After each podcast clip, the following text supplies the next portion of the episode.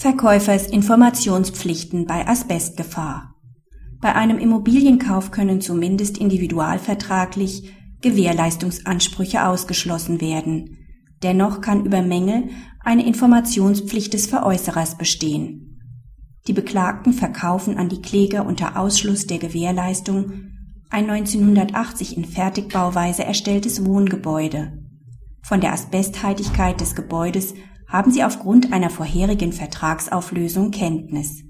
Dennoch klären sie die Kläger darüber nicht auf. Diese verlangen nunmehr Schadensersatz für die Kosten der Asbestsanierung. Beim BGH finden sie mit dieser Forderung Gehör. Ein Sachmangel liegt vor. Dabei kommt es nicht darauf an, dass zum Zeitpunkt der Bauerstellung die Verwendung von Asbest üblich war.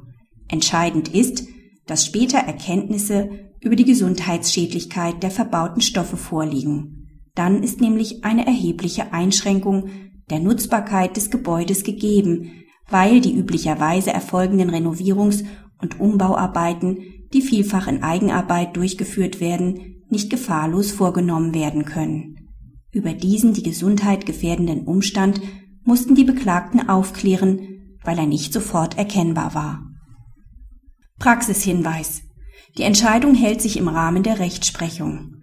Wegen der weiter notwendigen Sachverhaltsaufklärung konnte der BGH jedoch nicht selbst entscheiden, sondern hat die Sache an das Oberlandesgericht zurückverwiesen. Von Bedeutung ist, dass der BGH Ansprüche nach den Grundsätzen vorvertraglichen Verschuldens nicht als durch die kaufvertragsrechtlichen Regelungen in den Paragraphen 434 fortfolgende BGB ausgeschlossen ansieht, wenn der Verkäufer über die Beschaffenheit und die Eigenschaften der Kaufsache arglistig getäuscht hat.